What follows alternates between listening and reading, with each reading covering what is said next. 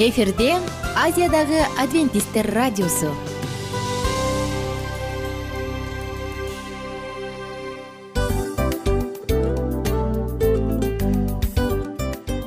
Достор салют.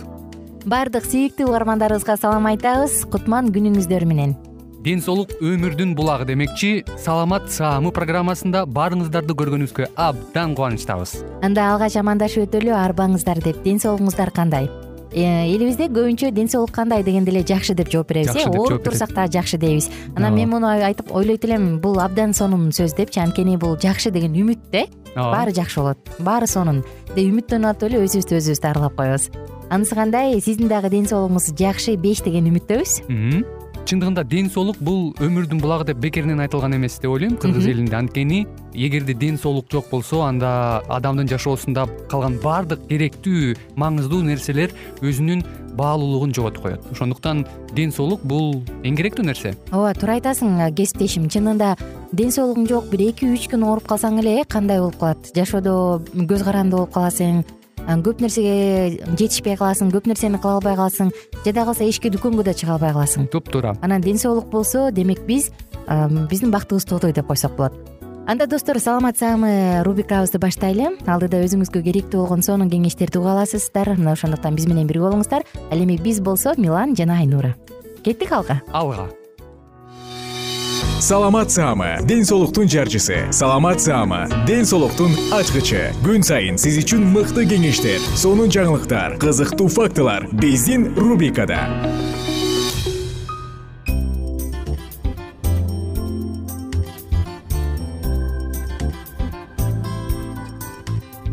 саламатсыздарбы достор. Жалпыңыздар менен кайрадан амандашып саламдашып саламат саамы рубрикасын баштадык. Кызматта мен айнура миназарова. Эмесе достор бүгүнкү тема ооз жана ооз көңдөйү достор биздин оозубузду абдан көп колдонобуз. Бирок ал кандайча иштейт? Бир учурда ойлонуп көрдүңүз беле? Анткени бир күн кечке оозубуздун жаны тынбайт э? Бирде тамак жейбиз бирде сүйлөшөбүз кээде кээде дем алабыз. Айтор бул өзгөчө бир экосистема эгерде сиз жакшылап тамак жеп жакшы чайнаганды кааласаңыз сүйлөгөндү өбүшкөндү кааласаңыз анда ооз кандай түзүлгөнүн жана ал үчүн кантип кам көрүш керек экенин билишиңиз керек. Тагыраак айтканда бүгүн биз ооз көңдөйүнүн гигиенасы жөнүндө сөз кылабыз. Албетте бул жөн гана тишти жуу эмес андан дагы жогору. Эмесе баардыгын ирети менен алдыда айтып беребиз. Биз менен бирге болуңуздар ооз адамдын универсалдуу денесинин бир бөлүгү. Кошуласызбы? Анткени ал эң эле көп функция аткарат. Ал ошол эле учурда тамак жейт суу ичимдик суюктуктарды ичет. Ошол эле учурда дем алат сүйлөйт ар кандай сезимдерди сыртка чыгара алат өбүшөт айтор. Мунун баардыгы тең керемет. Ал эми эгерде ооз көңдөйүнө туура кам көрбөсө анда адамдардын ортосунда ар кандай барьерлер пайда болот башка органдардын арасынан ооз үч мүнөздөмө менен бөлүнүшөт. Айырмаланып келет. Биринчиси бул дайымкы дайымкы активдүүлүк. Тагыраак айтканда анда ооздо башкаларга караганда эң көп функция аткарылып келет. Жогоруда айтып өттүк э кандай экенин. Бул биринчиси. Ал эми экинчи характеристика же мүнөздөмө бул сезимталдуулук. Тил тиш эрин булардын баардыгы тең кол жана көздүн кареги сыяктуу эле абдан сезимтал келет. Ал жакта эгерде ооз көңдөйүндө бир аз оору сыркоо пайда боло турган болсо адамдын жаны чыдагыс кылып оорутат тилиңизди диштеп алган же тилиңизге тибиртке чыккан учурларды эстеп көрсөңүз. Дагы бир кийинки мүнөздөмө бул инфекция ооруларынын пайда болуу коркунучунун жогорулугу. Тагыраак айтканда ооз көңдөй дайыма нымдуу жана жогорку температурада болгондуктан ал жакта ар кандай ар кандай көптөгөн бактериялар пайда болушу мүмкүн. Мына ошондуктан ооз көңдөйү дайыма коркунучта мына дал ушул себептен достор оозду коргош керек. Анда кариес пайда болот ооба туура уктуңуз кариес пайда болот. Мына ошондуктан ооз көңдөйүн туура камды кам көргөндү билүү зарыл достор биздин оозубуз кадимки эле өзгөчө кам көрүүгө муктаж. Адамдар бир жылда баягы жашоосунда кардиологко же урологко таптакыр барбашы мүмкүн бирок сөзсүз түрдө жылына жок дегенде бир жолу стоматологко барып турушу керек. Ошондуктан жатаар алдында тишти жуугандан тышкары кандай зуб тиш щеткасы менен пайдаланып кандай тиш пастасын пайдаланып атабыз көңүл буруңуз тиш пастасынын курамында сөзсүз фтор болгону жакшы. Бул жөнүндө биз мурунку уктурууларда айтып бергенбиз жана кийинки уктурууда дагы кененирээк айтып беребиз. Андан ары тиштен сырткары тилди дагы тазалаш керек. Таң калып атасызбы? Ооба достор тилде анткени ооздон жагымсыз чыккандын себеби бул тилде дагы болушу мүмкүн. Бир күндө бир жолу тиш пастасыз эле тиш щетка менен тилди кырып тазалап коюп туруңуз анан аны антисептикалык суюктуктар менен же дары чөптөр менен дайыма чайкап туруу дагы маанилүү. Ошонун эле арасында дагы катары турган бул тиш жиби же болбосо атайын жиптелер бар. Дал ушундай жиптелерди колдонуп алыңыз. Анткени тамак жегенден кийин тиш чукогучтар же болбосо кадимки эле тиш щеткасы баардык кычык мычыктын баарын тиштердин ортосун тазалай албайт. А бирок ал жакта тамак аштардын калдыктары кала берет дагы тиште кариес пайда болот. Ошондуктан тиш щеткасын алып алып туруп баарын чугуп тазалап койсоңуз бул албетте сиздин ооз көңдөйүңүздүн гигиенасына жооп берүүчү сонун ыкма болот. Дагы да айта турган болсок достор ооз көңдөйүнө туура кам көрүү же болбосо кам көрүүдө керек боло турган нерсе бул чайкоо кадимки эле тамактан кийин сөзсүз түрдө ооз көңдөйүн суу менен суюктуктар менен атайын антисептикалык дары каражаттары менен же дары чөптөр менен тазалап койгонду унутпаңыз ошондой эле дагы керектүү нерсени айталычы достор оозго эч качан пирсинг тактырбаш керек. Анткени бул металл адамдын ооз көңдөйүндө ар кандай э, көйгөйлөрдү ар кандай өзгөрүүлөрдү пайда кылат дагы бүйлөлөр атрофия болот же инфекциялар пайда болушу мүмкүн. Эгерде сиз активдүү жашоо образын сүйүүчүлөрдөн болсоңуз анда ооз көңдөйүңүздү сактаңыз. Мисалы футбол баскетбол ойноп жатканда же велосипед тээп жүргөндө сөзсүз түрдө тилди тиштерди коргой турган капа кийип алыңыз. Капа бул ийилчек материалдан жасалат. Каяктан алам десеңиз стоматологко барып кадимки эле атайын буйрутма менен жасатып алсаңыз болот. Дагы бир кийинки көп эле биз ушуга чейин какшап көп эле жолу айтып келген нерсе кум шекерди пайдаланууну азайттыңыз. Анткени кумшекер анын калдыктары тиште кариести куртту пайда кылат ошондуктан конфет шоколад момпосуйларды ар кандай таттуу азыктарды күрөң сахарды кумшекерди чакмакташылган азык түлүктөрдү ак нан пирожный сыяктуу эмне тиште курт пайда кылса ошонун баардыгына чек коюңуз. Же жегенден кийин сөзсүз түрдө жууңуз. Дагы биз регулярдуу айтып келген кеңештердин бири көнүгүү. Ооба достор кадимки эле көнүгүү? Ооз көңдөйүнө кайдагы көнүгүү деп ойлодуңуз болуш керек э? Бирок чындыгында көнүгүү жасаш керек адамдын чайноочу булчуңдары дагы машыгышы керек. Мына ошондуктан күнүнө кытыраак э, сабиз же түстүк капуста сыяктуу бир азыктарды жеп жаактарыңызды көнүгүү жасатып бекемдеп туруңуз. Анткени бул тишти эле эмес бүйлөлөрдү дагы бекемдеп келет. Күнүмдүк тамак ашыңыздын элүү пайызы чийки азык түлүктөрдөн болгону жакшы. Бул жогоруда айтылгандай салаттар э, э кадимки эле жашылчалар кошулган жашылча жемиштер булардын баардыгы тең пайдалуу ошондой эле достор ооз көңдөйүн тазалыкта сакташ үчүн чылым чекпеңиз. Чылым чегүү дагы тиштин өңүн бузат аны күрөң түскө бойойт жана бүйлөлөрдү абдан дүүлүктүрөт. Гингивит сыяктуу оорулар пайда болот тиштер жоголот ар кандай түркүн түстүү инфекциялар пайда болот ал эмес ооз көңдөйүнүн рак оорусуна дагы чалдыгышы мүмкүн. Коркунучтуу симптомдор бар булардын баардыгы эгерде сизде бүйлө дайыма канап атса тиште таш пайда болсо жана тиш ысык муздакка таттууга өтө катуу реакция жасап атса тиште лейкоплаки же болбосо ак тактар пайда болсо же тиште ар кандай язва пайда болсо сөзсүз түрдө доктурга барып көрүнүңүз. Жалпыңыздар менен ооз көңдөйүнө кам көрүү программасын жыйынтыктайбыз. Аты жөнүм айнура миназарова. Кийинки уктуруудан баардыгыңыздар тосуп алабыз. Ден соолукка кам көрүңүз. Анткени ден соолук адамдын жашоосунда эң чоң байлык. Достор кайрадан амандашканча саламат саама ден соолуктун жарчысы. Саламат саама ден соолуктун ачкычы. Күн сайын сиз үчүн мыкты кеңештер сонун жаңылыктар кызыктуу фактылар биздин рубрикада. Салют замандаштар баарыңыздарга ысык салам. Дил маек программабызга кош келиңиздер. Дил маек рубрикасы дегенде эле бул эмне болгон дил маек ким менен маектешебиз деп сурайт болуш керек угармандарыбыз бул рубриканы кыскача тааныштыра кете турган болсок ар тарап кесип ээлеринен болгон сонун интервью кеңештер бар. Ооба. жылдыздар менен болгон маек бар. Аталарыбыздын агаларыбыздын чоң аталарыбыздан сонун кеңештер бар. Ошондой эле эже сиңдилердин кеңештери бар айтор. Баардык кызыктардын баары алдыда. Негизи эле адам баласы бир кимдир бирөөнө ишенип сырын ачкысы келет эмеспи э мындай баарлашууга жакын келебиз го. Албетте негизи бир жерге отуруп алып кенен шашпай баягы жүрөктөн жүрөккө ачып сырларыбызды ар кандай көйгөйлөрүбүз менен бөлүшүп баягы чын жүрөктөн маек курганды кимибиз сүйбөйбүз э? Ооба десең ал нерсеге суусап да келебиз да. Ооба кээ бирде адамга чындыгында баягы э, ысык маек баягы жылуу маек жетишпейт да. Ошондуктан биз ушул рубриканы ойлоп тапканыбызда эң биринчи эле достор сиздер менен чын жүрөктөн бир маңыздуу темаларды козгоп кеткени кааладык. Ошондуктан ушундай сонун бир рубриканы тартуулап жатабыз. Анын үстүнө радио дагы сонун дос да. Анткени э, мындай учурда досуңа айтсаң досуң досуна айтат досу досуна айтат да анан бүт өлкө билип калышы мүмкүн го радио болсо сени сатпаган сенин айыбыңды ачпаган. Сенин сырыңды эч кимге айтпаган сонун досуң ошондуктан биздин алдыдагы айта турган кеңештерибизди биздин досторубуздун кеңештерин угуп анан ал жака пикириңизди дагы калтырып кайрадан биз менен байланышсаңыздар болот. Деги эле жашооңузга эгерде кичине болсо дагы өзгөрүү алып моралдык жактан нравовик жактан сонун бир кеңештерди алсаңыз демек биз максатыбызга жеттик. Ооба. Чыңгыз атабыз улуу жазуучу э, чыңгыз айтматов айткандай адам болуу бул күнүмдүк процесс экен. Күн сайын адам бойдон калуу бул адамзатка эң эле кыйын дейт э? э эң кыйын дейт. Чындыгында бунун негизинде адамдын эң баягы сапаттуулугу адамдын э, адамгерчилиги жана көптөгөн керектүү нерселер. Мына ошол темалар дагы бизде э, ушул дил маекте биз аларды да козгойбуз. Ден соолук жөнүндө да сүйлөшөбүз. Сөзсүз түрдө анан милан мырза негизи айтып коюшат го.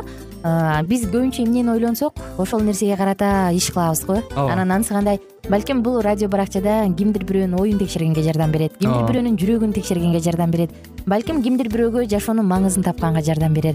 Айтор кызыктын баары алдыда бул жөн гана кыскача жарнама анда угармандарыбыздын баардыгын кийинки рубрикабызга чакырабыз. Ал эми кызматта маңдайымда отурган кесиптешим милан жана мен айнура. Анда эмесе биз даярдаган терең терең ойлор менен таанышууга кеттик. Алыс алыс баралык.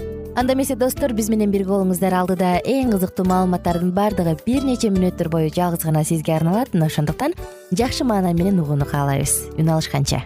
Жөнөдүк. Ар түрдүү ардактуу кесип ээлеринен алтын сөздөр жүрөк ачышкан сыр чачышкан сонун маек дил маек рубрикасында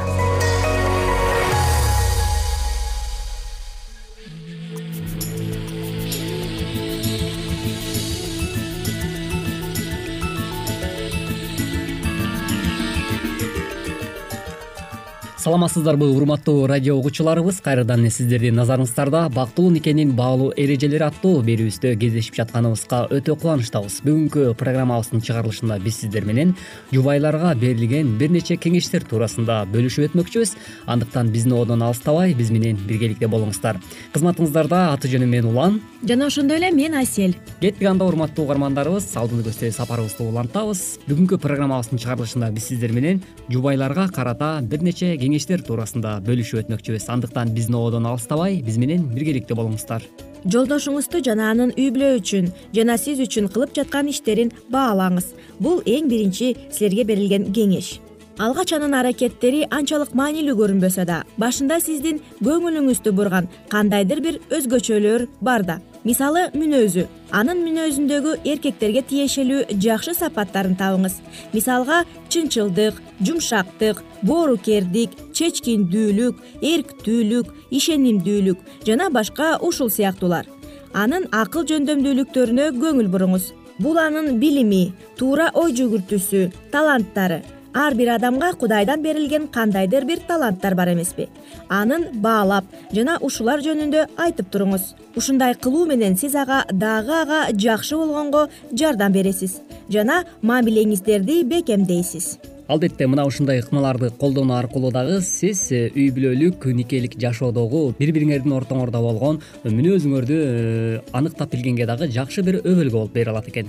Дагы бир нерсе ал сиз үчүн эмне кылат? Ар бир кичинекей нерселерге көңүл буруңуз мисалы ал сизге идиш жууганын жыйнашканын бала менен отуруп жардам бергенин сизге комплимент айтканына сизге көңүл буруп турганына телефон чалып турганына сизге жана балдарыңызга жана үйгө бир нерселерди сатып келип турганына көңүл буруңуз. Анын үй бүлөгө кам көрүүсү үчүн иштеп акча таап жатканын анын эмгегин баалаңыз. Албетте бул анын милдети.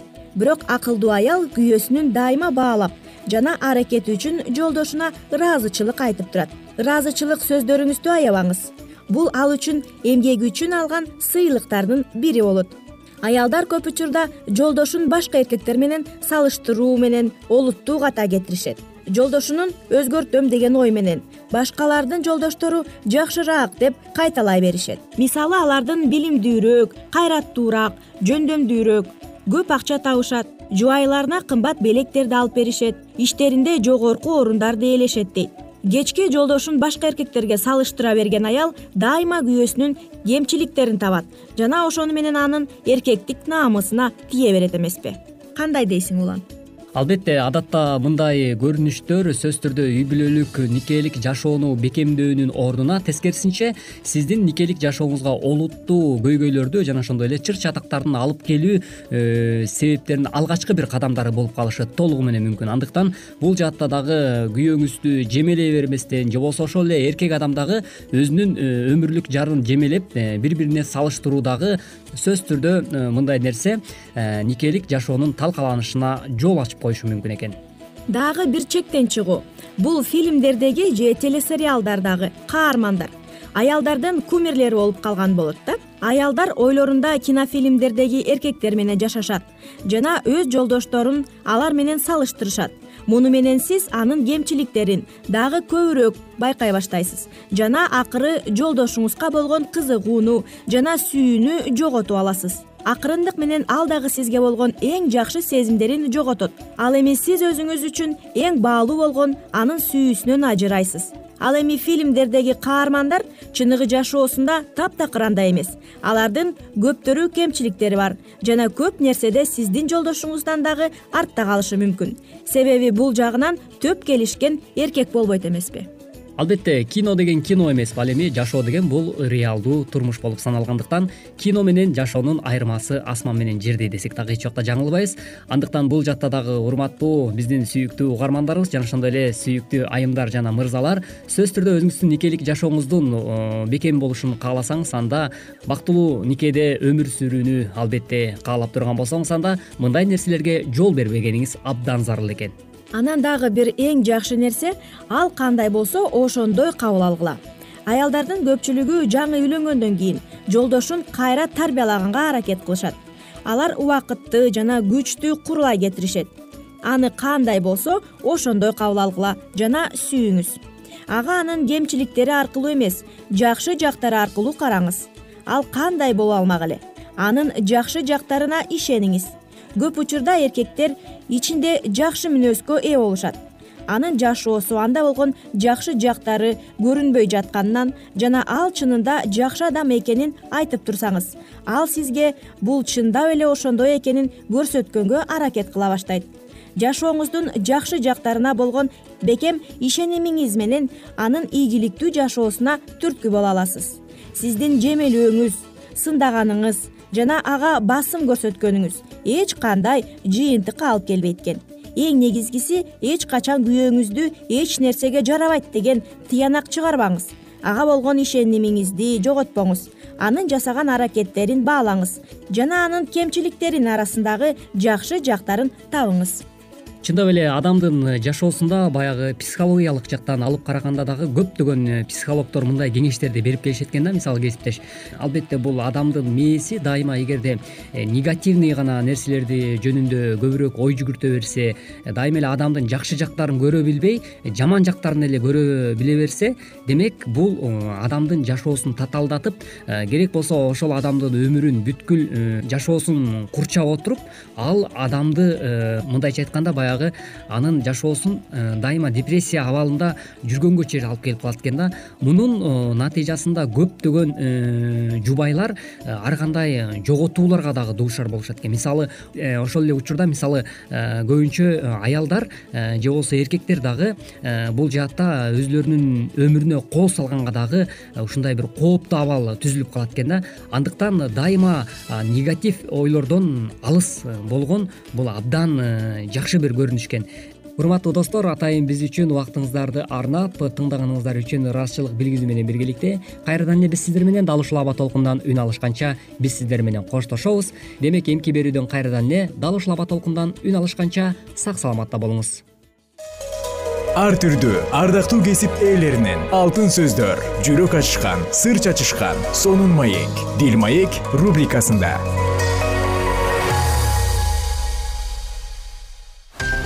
жан дүйнөңдү байыткан жүрөгүңдү азыктанткан жашооңо маңыз тартуулаган жан азык рубрикасы.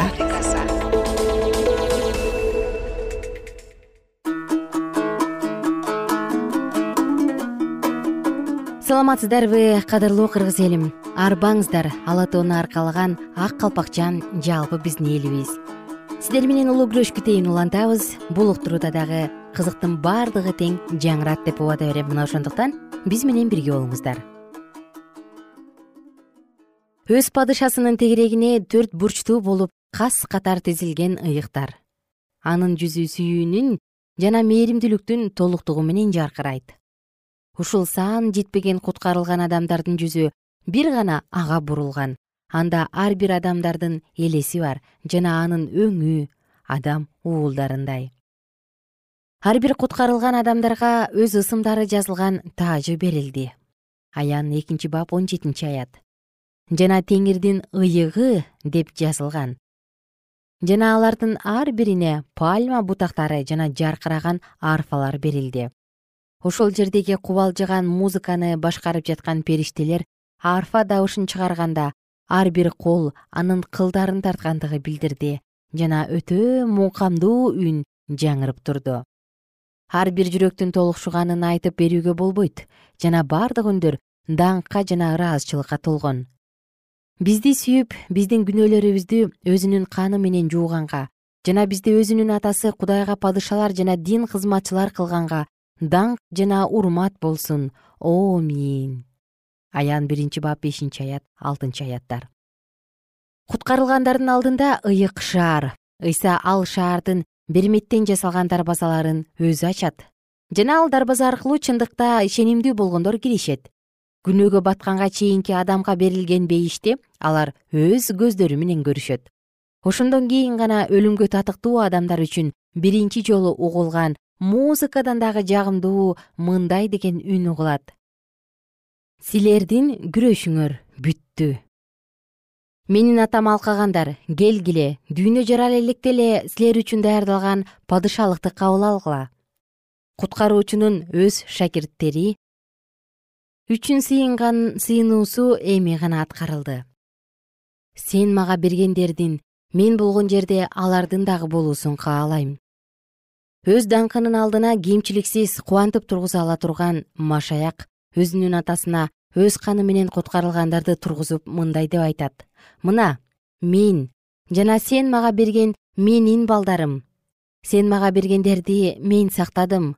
О куткарып алган сүйүүнүн керемети чексиз кудуреттүү ата куткарылган адамдарды көрүп жана алардын жүздөрүнөн өз түспөлүн көргөндө кандай салтанаттуулук асманды курчайт күнөөнүн каргышы жок болгон жана адамдар кайрадан кудай менен биригишкен чексиз сүйүүсү менен ыйса өзүнүн ишенимдүүлөрүн өз теңиринин кубанычына кирүүгө чакырат. Даңктын падышалыгында өзүнүн кыйналган өлүмү менен куткарылгандарды көрүп куткаруучу кубанычка батат. Жана өздөрүнүн сыйынуусу эмгеги сүйүүсү жана өзүн курман кылуулары менен машаякка алып келишкен адамдарды көрүшкөндө куткарылган адамдар дагы өз кубанычын куткаруучу менен бирге бөлүшөт. Жана бардыгы тынчтыктын жайында өз алган таажыларын ыйсанын бут алдына чечишип анын жасаган керемет иштери үчүн түбөлүктүү даңкташат качан куткарылган адамдарды кудайдын шаарына кирүүгө чакырганда ага кубаныч менен шаттыкка толот. Эки адамдын жолугуша турган мезгили келди.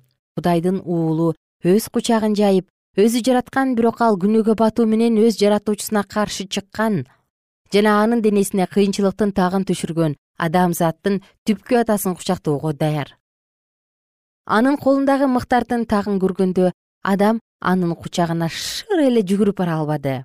Бирок момундук менен анын буту алдына жыгылып мындай деген сөздөрдү айтты. Курмандыкка чалынган козу даңкка татыктуу куткаруучу аны ордунан өйдө көтөрүп жана анын үйү болуп ал жашаган бейишти көрүүгө чакырды аны. Бейиштен кубулгандан кийин адам жер үстүндө кайгыда жашаган ар бир үзүлгөн жалбырак ар бир чалынган курмандык жана жакшынакай түстөн төрөлгөн бузулган жүздүү балдар бузулбаган мүнөздөн жаратылган терс аял мүнөздөр ушунун баардыгы анын кылган күнөөсүн эсине салып турган. Мыйзамсыздыктардын көбөйгөндүгү жана абийирин айыптаган ал токтотууну каалап мыйзамсыздарды айтканда ал кылынган иштер үчүн анын өзүн болуп жаткан жамандыкка айыптуусуң дешип күнөөлөшкөн. Өзү кылган мыйзамсыз иши үчүн ал миң жылга жакын убакыт аралыгында айыпталды. Жана өзү кетирген күнөөсүн чын жүрөгүнөн мойнуна алып убадаланган куткаруучунун аркасында тирилүү аларына ишенген. Кудайдын уулу ошол кылынган күнөөдөн адамдарды алып чыкты жана элдештирүү кызматынын аркасында адам кайрадан алгачкы бийлигине кайтаары келип жетти. Бакытка батып ал качанда бир кезде суктанып караган жана алардын жемиштеринен алып жеген дарактарды кайрадан караганга мүмкүнчүлүк алды. Бир кезде карап кам көргөн жүзүндүктөргө көз салды жана кубаныч менен караган гүлзарларды көрдү. Болуп жаткан нерселердин чындык экендигин ал түшүнөт жана бул калыбына келтирилген бейиш багы экендигин дагы көрдү. Ал куулуп чыккандагыдан дагы кооз болуп көрүнүп турду. Куткаруучу аны өмүр дарагына алып келип анын жемиштинен үзүп адамга беш жеш үчүн берди. Жана ал адам ар жагына кылчая кароо менен өзүнүн көп сандаган тукуму бейиш багында экендигине жүрөгү кубанды. Мына ошондо ал өзүнүн башындагы жаркыраган тажысын чечип ыйсанын бут алдына таштады дагы анын төшүнө жөөлөнүп анын кучагына кирди. Ал өз манжалары менен алтын арфанын кылдарына колун тийгизип жеңиш мукамдуу ырынын добушуна кошулуп үн жаңыртты. Курмандык болуп өлгөн бирок кайра тирилген козу татыктуу татыктуу татыктуу. Ал адамдын адамдын баардык үй бүлөсү башындагы таажыларын алышып жерге коюшта да анын алдында ийилип таазим кылышты.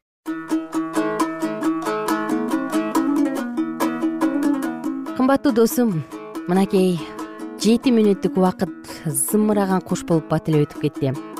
Сиздер менен убактылуу коштошом жана кийинки уктуруудан баардыгыңыздарды кайрадан күтүп алам күнүңүздөр көңүлдүү улансын. Жаратканым сизди. Өзгөчө алкасын.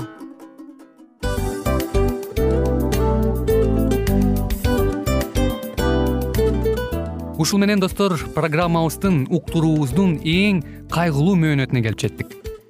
Кайгылуу дегенде ыйлагым келип кетти кесиптеш. Кадимкидей анткени баягы учурашасың анан коштошуу учур келгенде ии кантип ии эми бат баттан келиптир э сагындырбай деп атып араң коштошобуз го анысы кандай? Угармандарыбыз менен коштошчу учур келди. Кийинки уктурууларды сагыныч менен жүрөгүбүздө кусалык менен күтөбүз жалпыңыздарды. Анан жарым сааттык уктуруу көз ачышым канча өтүп кетти?